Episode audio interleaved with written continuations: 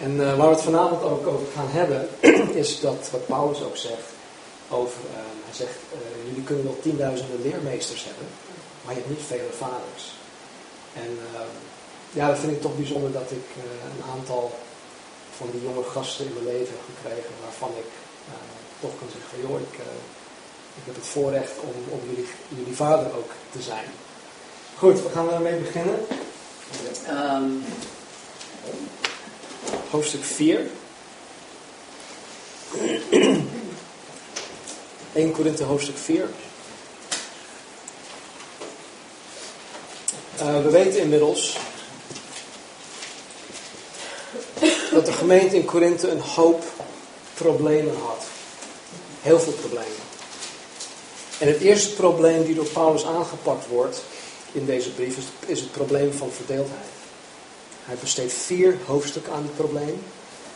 Wat in mijn ogen veel zegt over hoe, over hoe God tegen verdeeldheid kijkt. hij wil niet dat de gemeente van Jezus Christus verdeeld is. Hij wil niet dat er verdeeldheid is in een plaatselijke gemeente. Nou, vanavond gaan we dus vers voor vers kijken naar hoofdstuk 4, waarin Paulus ehm, dit onderwerp, het onderwerp van verdeeldheid, nu afrondt. En hij sluit het uh, in dit hoofdstuk af.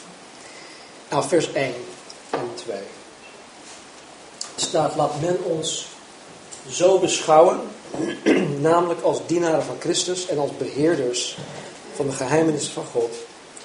En verder wordt van de beheerders verlangd dat zij betrouwbaar blijken te zijn. Paulus zegt tegen deze Corinthiërs, jullie horen mij, Apollos en Petrus ehm, te beschouwen als huperetas, als onderroeiers, als dienaren van Jezus Christus. En wat we afgelopen zondag uh, hebben behandeld.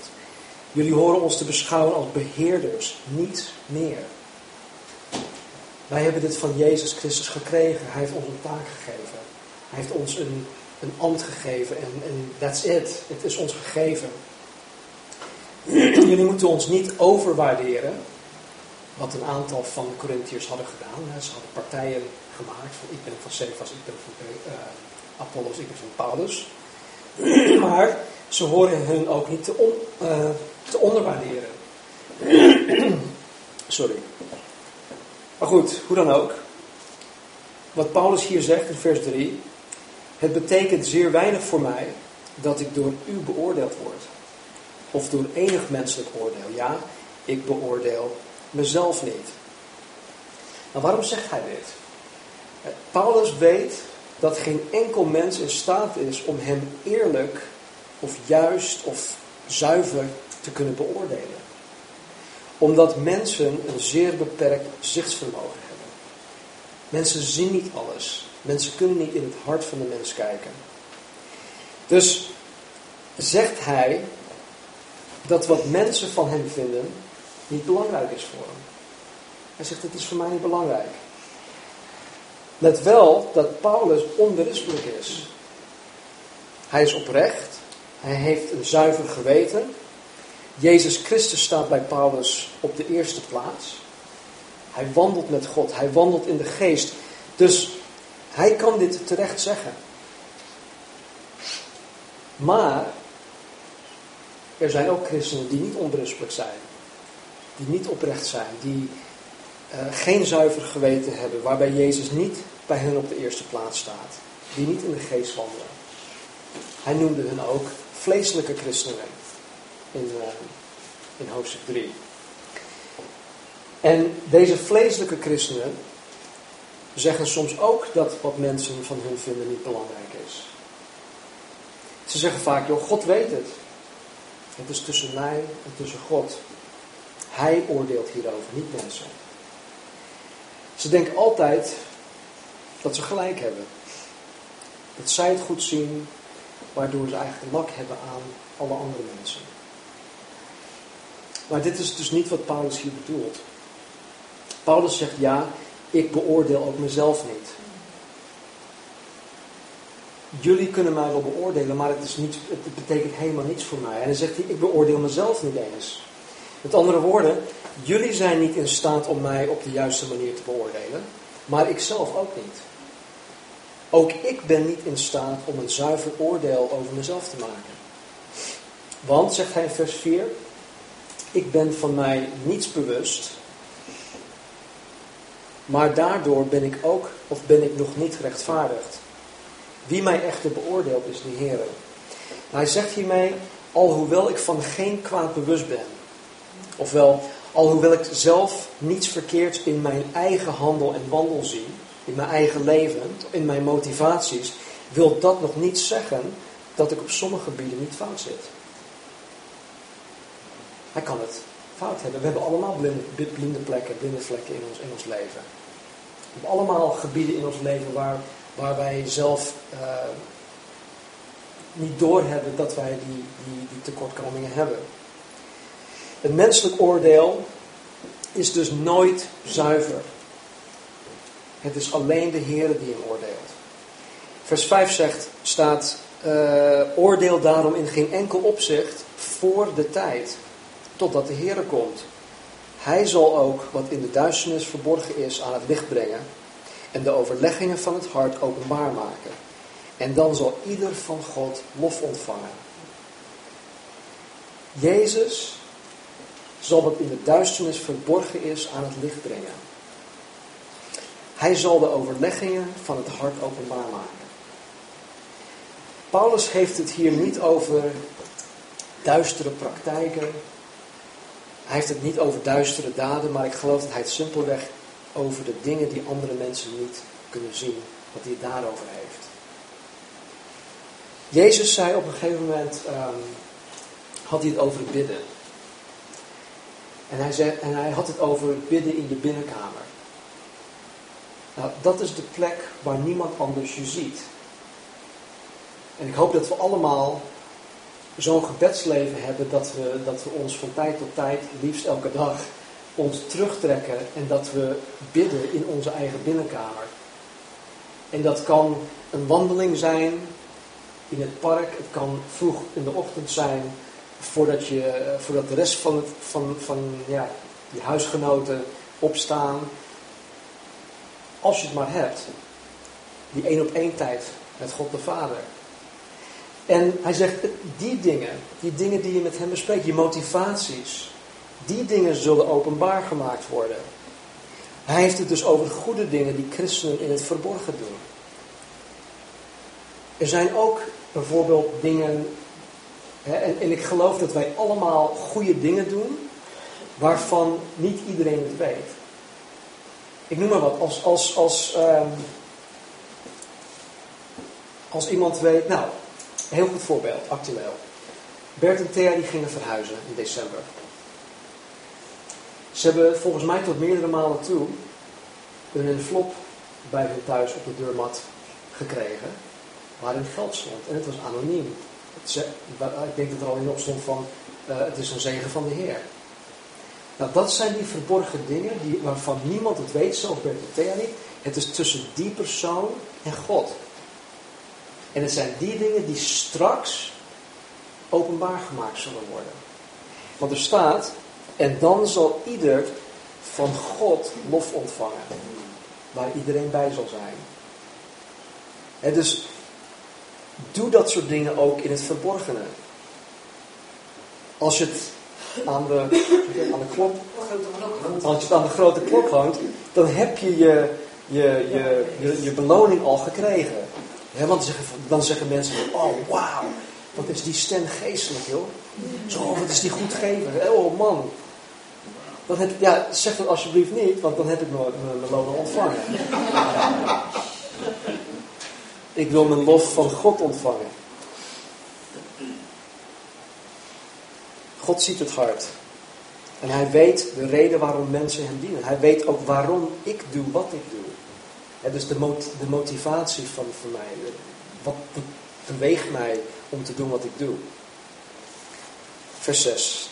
Deze dingen nu, broeders, heb ik ter wille van u toegepast op mezelf en Apollo's, met de bedoeling dat u van ons leert niets te bedenken boven wat er geschreven staat, opdat niemand zich ten gunste van de ene leraar verheft boven de andere. Nou, de voorbeelden die Paulus gaf in hoofdstuk 3, hè, van de boeren, de bouwers, de onderroeiers, de beheerders, die dingen heeft hij op zichzelf en op Apollos toegepast om de Corinthiërs te leren hoe zij christelijke leiders horen te zien. En natuurlijk horen de, de, de, de, de gelovigen, de mensen in de Korinthe, maar ook wij, horen hun leiders, hun voorgangers, hun oudsten te eren en respecteren, maar niet boven wat er in de Bijbel geschreven staat. En dat waren ze wel aan het doen. Ze verhieven de ene boven de ander en, het was, en ze, werden daardoor trots en ze, ze voelden partijen. En dat wil God niet, want dat, dat brengt verdeeldheid. In 1 Thessalonicense 5, vers 12 en 13 staat dit. Broeders, wij vragen u respect te hebben voor uw leiders die door de Heer zijn aangewezen. Zij verrichten veel werk onder u en wijzen u terecht waar dat nodig is. Respecteer hen en houd van hen, omdat ze zoveel voor u doen. Dit is wat er staat. In vers 6 zegt Paulus, of, uh, ja, met de bedoeling dat u van ons leert niets te bedenken boven wat er geschreven staat. Dus als dit hier staat, dan horen wij dit te doen en niet meer. We moeten stemmarinissen niet op, ophemelen en op een voetstuk plaatsen en dat soort dingen. Niet dat, niet dat ik denk dat jullie het doen, maar dat hoort dus niet. Dus wat hier staat in 1 Thessalonicense, dat is goed, het is gezond. Maar wat de Corinthiërs deden was ongezond. En ze waren trots, ze zetten de ene leider boven de andere. Sterker nog, ze zetten de leiders tegen elkaar. Vers 7. Want wie, maakt, want wie maakt onderscheid tussen u? Wat hebt u dat u niet hebt ontvangen? En als u het ontvangen hebt, waarom roemt u alsof u het niet ontvangen had? Alles dat, dat de Corinthiërs hadden en alles dat wij hebben, alles dat wij kunnen, is omdat de Heer het ons gegeven heeft. Weet je, ik, het, het heeft me zo lang geduurd voordat ik dit doorhad. Als jongen zijnde, als tiener, zelfs als jonge man zijnde, kon ik best wel veel. Ik, ik, ik merk nu pas dat mijn lichaam het af en toe, nou vaker, um, ja, dat hij het af laat weten. Dat, dat hij niet zo, zo, zo goed functioneert. Dat het niet meer mee wil doen. In alle dingen die ik eigenlijk wil doen. En toen ik ja, nog, nog uh, super topfit was, jaren geleden, toen, toen dacht ik dat ik al die dingen had omdat ik, omdat ik trainde, omdat ik zo slim was, omdat ik uh, goed voor mezelf zorgde. En ik weet, die dingen die dragen daar allemaal wel aan, aan, aan bij, maar uiteindelijk heb ik toch al die dingen van God gekregen. Dus niets wat wij hebben, hebben wij van onszelf. En dat zegt Paulus hier ook. Hij zegt, wat hebt u dat u niet hebt ontvangen? En als u het ontvangen hebt, waarom roemt u alsof u het niet ontvangen had? Christenen denken nog al te vaak dat wat zij aan gaven, aan talent, aan bekwaamheid hebben, dat ze dit uit zichzelf hebben. En sommigen worden daardoor trots. Sommigen worden daardoor hoogmoedig. Ze denken dat zij meer geestelijk zijn dan anderen. En ze denken dat ze een bevoorrechte positie hebben verkregen bij God omdat, uh, omdat ze zoveel kunnen of omdat uh, ze gebruikt worden door God. Maar Paulus zegt dat alles dat we hebben van God afkomt. En daarom is er dus geen enkele reden om te roemen. Toen we denken aan een, uh, een tijdje geleden, um, zag ik een, een, ja, een kind die, uh, die volop in de groei was. En die had ik dan waarschijnlijk een jaar of twee niet gezien. En mijn laatste herinnering was, was die zo, zo groot. En ineens was, was die zo groot. Ik zei, zo, wauw, der groeit. Ja, ik ben gegroeid, kijk. Alsof, alsof, alsof hij er zelf iets aan had gedaan om zo groot te worden. Hoe groot wil je worden? Ja, maar misschien waren er wel enige factoren, zoals de pindakaas, maar ik denk niet dat, uh, dat die persoon dat zelf heeft uh, bewerkstelligd. Goed, pa Paulus wordt in de volgende verse heel erg sarcastisch. Mm. Ja. Hij zegt, u bent al verzadigd. Met, alle, met andere woorden, jullie hebben alles wat, wat jullie nodig hebben. U bent al rijk geworden. U bent al gaan regeren zonder ons. Regeerde u ook maar, opdat wij ook met u zouden mogen regeren. Hij zegt heel sarcastisch dat zij reeds alles hadden bereikt dat God voor hun voor ogen had. Hij zegt dat zij reeds waren aangekomen, alsof zij al in de millennium, in het duizendjarige rijk, aan het regeren waren. Paulus zegt, was dat maar zo. Want dan zouden wij er ook bij zijn. Dan zouden wij allemaal met Christus regeren. Vers 9. Want ik denk dat God ons, de laatste apostelen, heeft tentoongesteld als mensen die ter dood veroordeeld zijn. Wij zijn immers een schouwspel geworden voor de wereld. En voor engelen en mensen. Wij zijn dwaas om Christus wil, maar u of jullie zijn wijs in Christus. Wij zwak, maar u sterk. U geëerd, maar wij veracht. Tot op dit ogenblik lijden wij en honger en dorst en zijn wij naakt en worden wij met vuisten geslagen. En hebben wij geen vaste woonplaats. En spannen wij ons door, spannen wij ons in door met onze eigen handen te werken. Dat met eigen handen te werken, dat is echt min, dat is, dat is heel erg min in die tijd. Want mensen hadden slaven om met hun eigen handen te werken. Dus de normale mens, die, die hoefde eigenlijk niets te doen. Er was geen, geen arbeid op, op, in die zin van, joh, we moeten hè, de handen uit de mouwen steken, kom op, we gaan dit doen of dat doen. Nee, ze hadden slaven voor dat doel. Dus door, doordat Paulus zegt, hè, wij, wij, wij, um, wij spannen ons in door met onze eigen handen te werken, dat, dat zegt al heel veel over hen, over de apostelen. Worden wij uitgescholden, dan zegenen wij. Worden wij vervolgd, dan verdragen wij. Worden wij belasterd, dan smeken wij.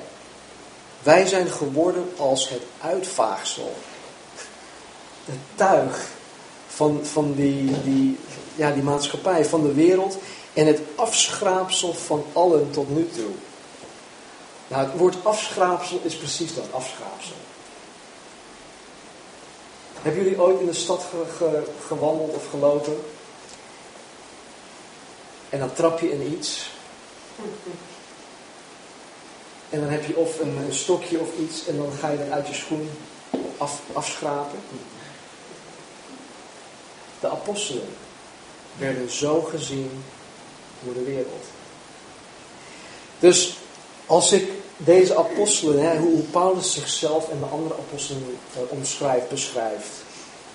En als ik dan hoor hoe mensen met veel trots, zelfs of vooral achter de kansel staan en zeggen van, jongens, God wil niet dat je ziek bent. God wil niet dat je uh, in armoede leeft. God wil niet dat je een oude auto rijdt. God wil niet dat je in oude kleren rondloopt. Dat komt niet overeen met hoe God met deze mensen omging.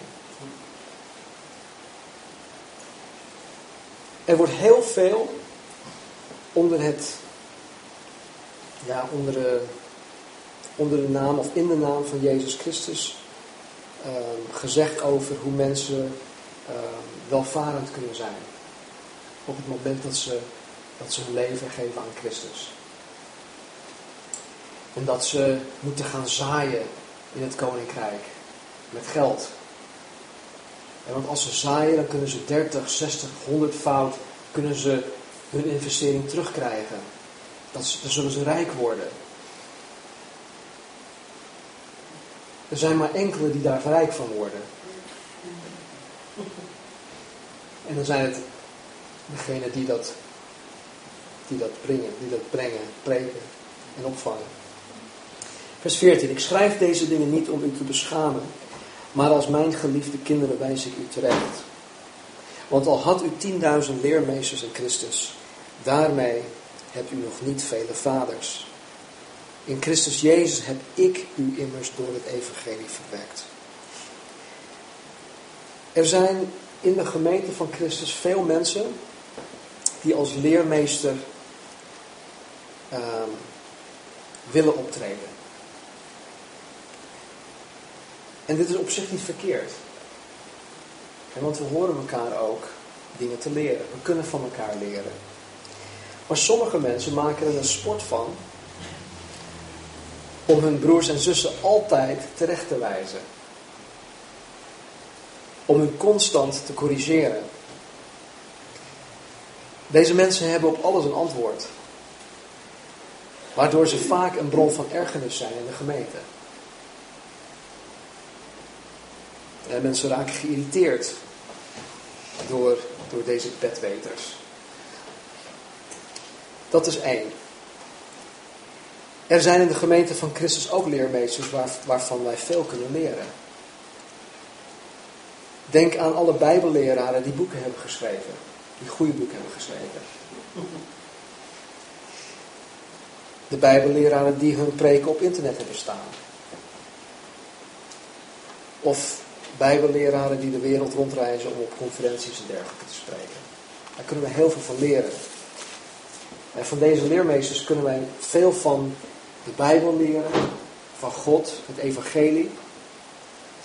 Maar omdat zij ons niet persoonlijk kennen,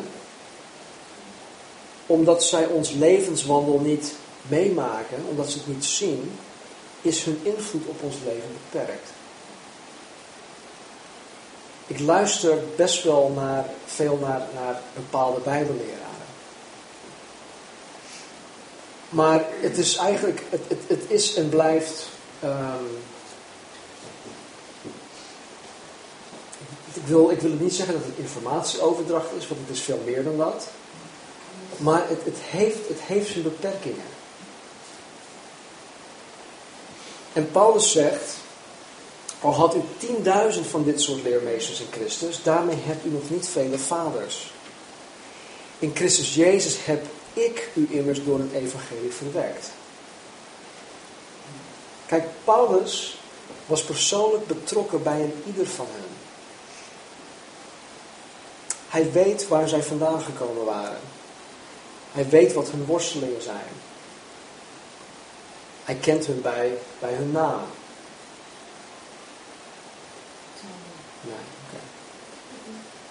Paulus heeft deze mensen door het evangelie verwekt. Hij is degene die hen tot geloof heeft geleid. En weet je, ik geloof dat dit de kern is van Bijbelse discipelschap. Wij, wij, wij kennen op dit moment geen discipelschapprogramma en dat zullen we ook nooit kennen. Het discipelschapprogramma, dat staat hierin. En ik denk dat dit echt de kern is van Bijbelse discipelschap. Mensen verwekken als geestelijke kinderen en deze vervolgens opvoeden in het evangelie. Het is heel simpel. Dat is wat Paulus deed, dat is wat Petrus deed, dat is wat Jacobus deed. Dat is hun, dat is hun methode. Ze leiden iemand tot, tot Jezus Christus en vervolgens investeren ze in die persoon. Ze voeden hun op in het evangelie. En dan zegt hij dit. Ik roep u er dus toe op, word mijn navolgers. Paulus geeft als hun uh, geestelijke vader het voorbeeld van hoe de Corinthiërs horen te leven. Hij zegt, doe mij na.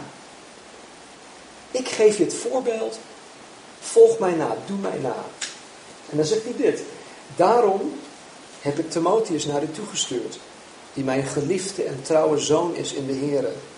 Hij zal u in herinnering brengen mijn wegen, die in Christus zijn, zoals ik die overal in elke gemeente onderwijs, of onderwijs. Nou, ik, ik geloof wat wij hier zien, het ultieme voorbeeld uh, is van de resultaten die geboekt horen te worden door Bijbelse discipelschap. Het is echt het, het ultieme voorbeeld. Paulus zegt, ik ben jullie geestelijke vader. Ik heb jullie door het evangelie verwerkt. Derhalve roep ik jullie ertoe op om mij na te volgen. Nou, dat is duidelijk.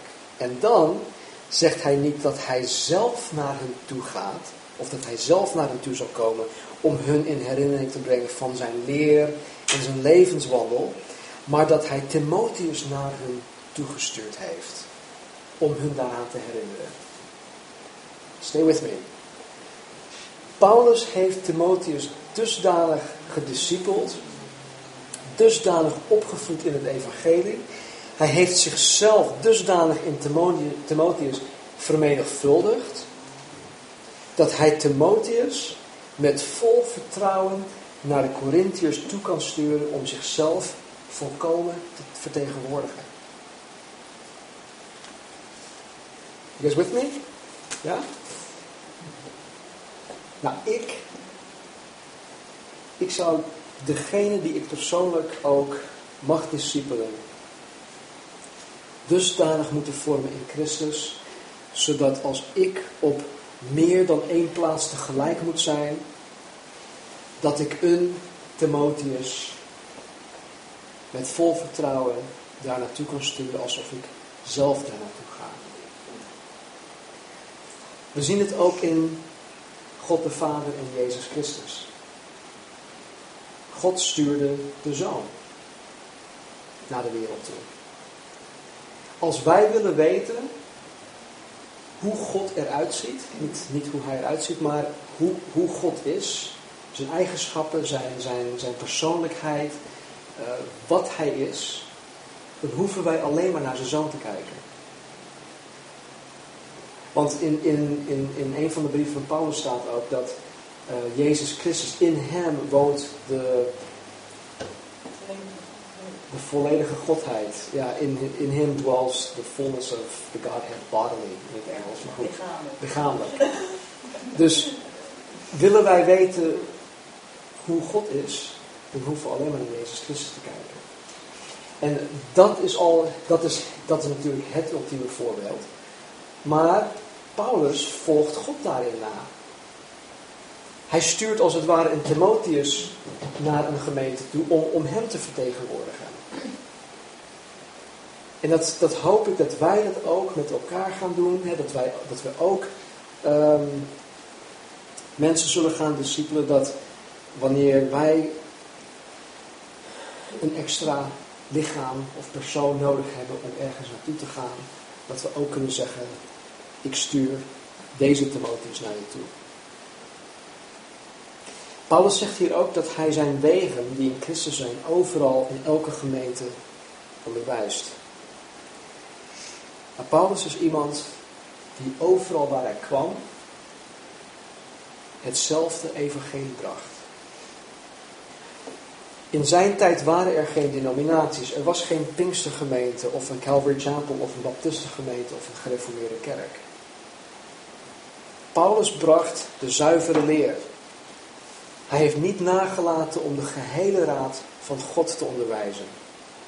dat zegt hij ook in handelingen hoofdstuk 20. En dit deed hij overal waar hij kwam.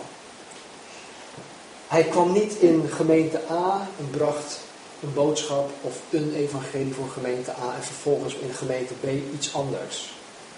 En in gemeente C weer iets anders. Hij bracht exact hetzelfde overal waar hij naartoe ging. En ik denk dat wij, dat wij daar ook iets van kunnen leren. En dan wil ik. Um, dan, wil ik het, dan heb ik het over, over eenheid. Er zijn dingen die, die bijvoorbeeld wij als Calvary Chapel. Er zijn dingen uh, waarin wij verschillen met bijvoorbeeld uh, een, een, volle evangeliegemeente. Of met de baptistengemeente. Een volle evangeliegemeente die, die, die ziet de gave van de Heilige Geest uh, op, een, op een hele andere wijze. Dan bijvoorbeeld een baptistengemeente. Nou, wij als Calvary Chapel zitten daar ergens tussenin. We geloven er wel in, maar we geloven niet dat dat de hoofdzaak is. Jezus Christus is de hoofdzaak.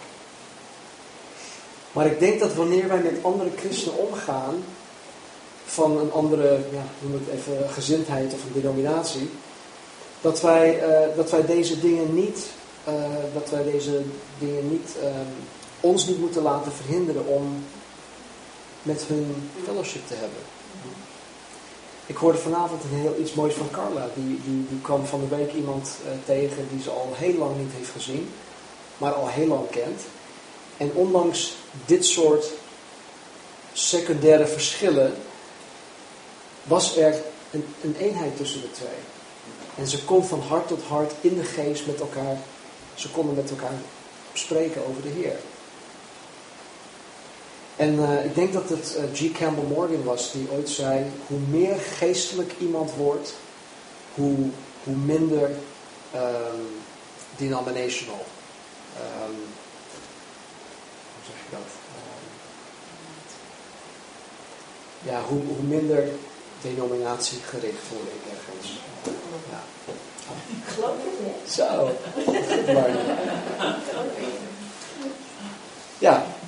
Dus hoe meer iemand groeit in de geest, hè, hoe minder de, de, de secundaire dingen of die, die, die dingen belangrijk zijn. Als de kern er maar is, en de kern is dat, dat, hè, dat Jezus Christus voor ons gekomen is.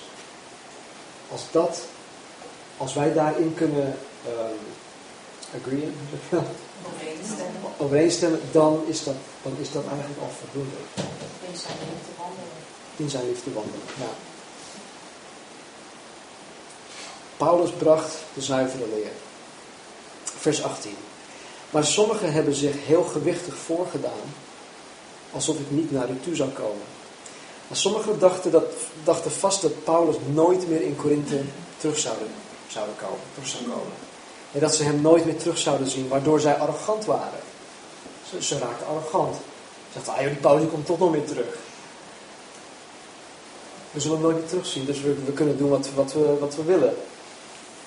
Ze deden waar ze zin in hadden. Vers 19. Maar ik zal spoedig naar u toe komen, zegt hij.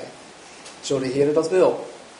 En ik zal dan niet de woorden van hen die zich zo gewichtig hebben voorgedaan leren kennen, maar de kracht.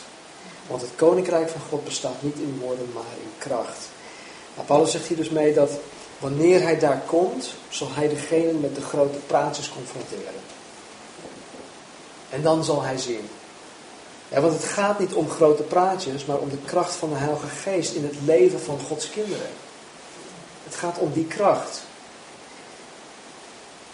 Het is, um, het is de levensveranderende kracht van Jezus Christus die belangrijk is. En is die levensveranderende kracht van Jezus aanwezig in deze mensen die, die Paulus verachtte? Is het aanwezig of blijft het bij mooie praatjes? Het koninkrijk van God bestaat in kracht, zegt Paulus.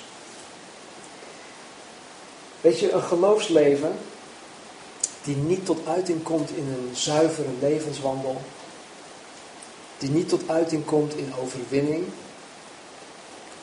die niet tot uiting komt in overwinning over het zondige natuur, zo'n geloofsleven is krachteloos.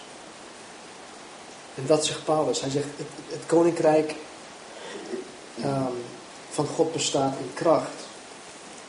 En hoe mooi de woorden ook zijn, het is en blijft krachteloos als je die kracht niet hebt en als het niet tot uiting komt in je leven. Wat wilt u, zegt hij. Moet ik met de roede naar u toe komen of in liefde en in een geest van zachtmoedigheid? Deze brief, de hele brief, is een vermaning. En hoe de Corinthiërs erop zullen reageren, laat Paulus geheel over aan hen. Hij vermaant hun door de brief, maar uiteindelijk kan hij hun nergens toe dwingen. Hij heeft de boodschap overgebracht, hij heeft Timotheus naar hem toegestuurd en de rest is aan hun. Indien zij zich bekeren van hun zonde, van hun afvallig christelijk leven, dan zal Paulus tot hen komen in liefde en in een geest van zachtmoedigheid. Maar als zij zich vast blijven houden aan hun trots, aan hun hoogmoed, als zij zich niet willen bekeren, dan zal hij met de roede tot hen komen. En de keus is geheel aan hun.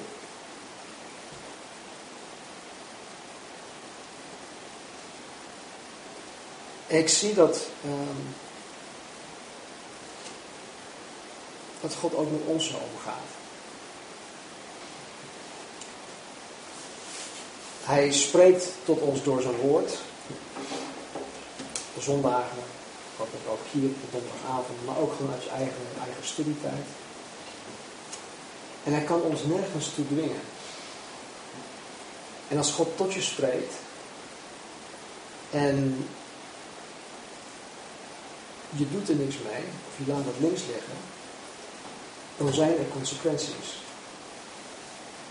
En niet dat God zegt van, en nu zul je, en nu moet je. En dat hij, dat, dat hij met een soort honkbalknuppel achter je staat. Als je dit nu niet doet, dan krijg je hem. Pak er allemaal van me. In Romeinen hoofdstuk 12 zegt Paulus dat, um, dat we niet gelijkvormig moeten zijn aan de wereld, maar dat we hervormd moeten worden door het vernieuwen van ons denken. En dan zullen wij zijn goede, welgevallige en volmaakte wil leren kennen. We kunnen dat onderscheiden. Dus er is iets dat, dat heet Gods goede, welgevallige en volmaakte wil. En dat is iets waar wij alle, allemaal naar moeten streven. Door de Bijbel heen zie je dat mensen heel vaak afwijken van God. En dan zegt God, oké, laat je even je eigen gang gaan. En dan raken ze in de problemen, er zijn de consequenties. En dan komen ze uiteindelijk weer terug bij God. Maar dan zie je dat God hun toch weer terugbrengt naar het juiste pad. Maar niet zonder een hoop ellende, een hoop verdriet, een hoop ehm, spijt. En dat zie, dat zie ik dan als Gods, ehm, niet Gods volmaakte wil voor een mens, maar wat we in het Engels noemen Gods permissive will. het is iets wat hij toelaat, maar niet wat hij voor ogen had. Maar hij laat het wel toe. Dus als wij Gods goede, welgevallige en volmaakte wil niet nastreven, als we daar niet, op, op naar, niet naar op zoek zijn, als we ons daar niet op richten, dan zal God ons ons eigen gang wel laten gaan. En hij laat het wel toe, maar het is niet het allerbeste wat hij voor ons voor ogen had. En soms kan het wel goed zijn, maar het is niet het allerbeste. Soms kan het ook heel erg fout zijn. Dus, net als hoe Paulus dit ook afsluit, wat, wat wilt u? Moet ik met de route naar u toe komen of in liefde en in geest van zachtmoedigheid? Uiteindelijk zal God ons, hè, als, als, als stel dat ik ongehoorzaam ben en ik, ik, ik volhard in iets wat, wat gewoon fout is. Dan zal God mij op een gegeven moment terugfluiten, op het matje roepen, of hij zal mij uh, hier kastijden, is dat goed woord? Ja? Jason, kastijden. Omdat hij van mij houdt. Daarom vind ik het voorbeeld van Paulus ook zo mooi. Je hebt wel veel, veel leermeesters, maar die leermeesters die geven niet om jou. Waarom niet? Omdat ze je niet eens kennen. Daarom vind ik het persoonlijk niet zo fijn om, om uh, tot een vreemd publiek te spreken. Ik ken hen niet. Ik heb helemaal geen binding met die mensen.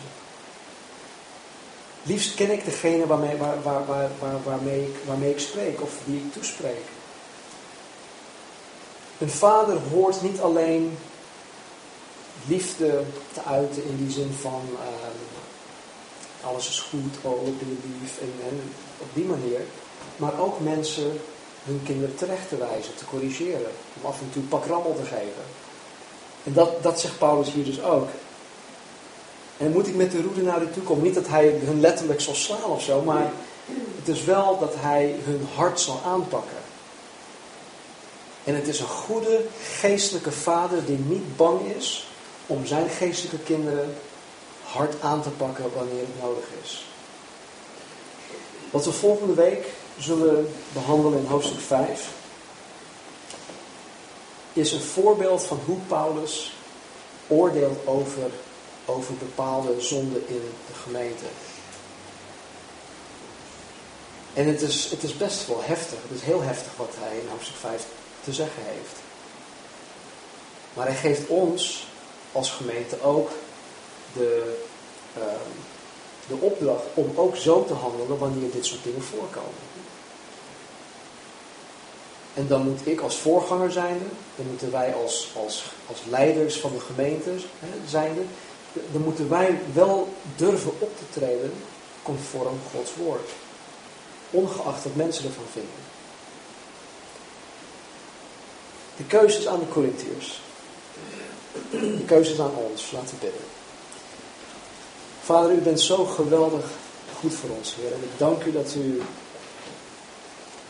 Heer, mij van tijd tot tijd hebt teruggefloten. Dat u mij van tijd tot tijd op het matje hebt geroepen.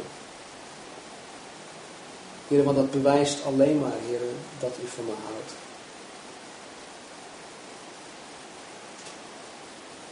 Heer, mogen wij, Heer, als individu, mogen wij als gemeente, Heer, de lessen eruit halen, Heer, wat u hier in hoofdstuk 4 heeft vastgelegd, Heer, voor ons.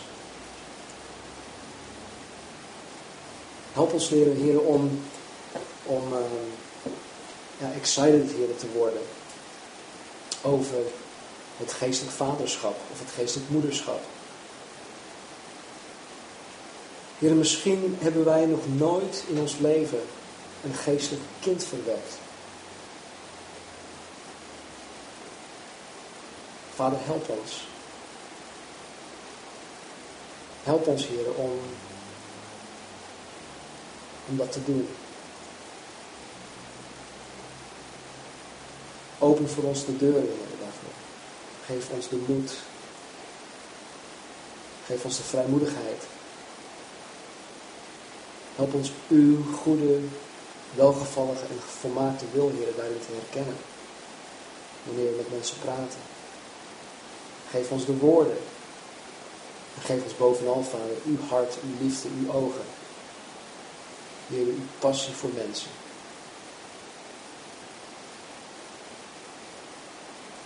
Heer, dank u voor het voorbeeld, Heer, van, ja, van uzelf, van uw zoon. Dank u, Heer, voor het voorbeeld van, van Paulus en Timotheus. Dat Paulus zonder schroom Timotheus naar de Corinthiërs had toegestuurd alsof hij daar zelf aanwezig was. Heer, help in ieder van ons de mensen die u ons op ons pad heeft gebracht, Heer, op die manier te discipelen.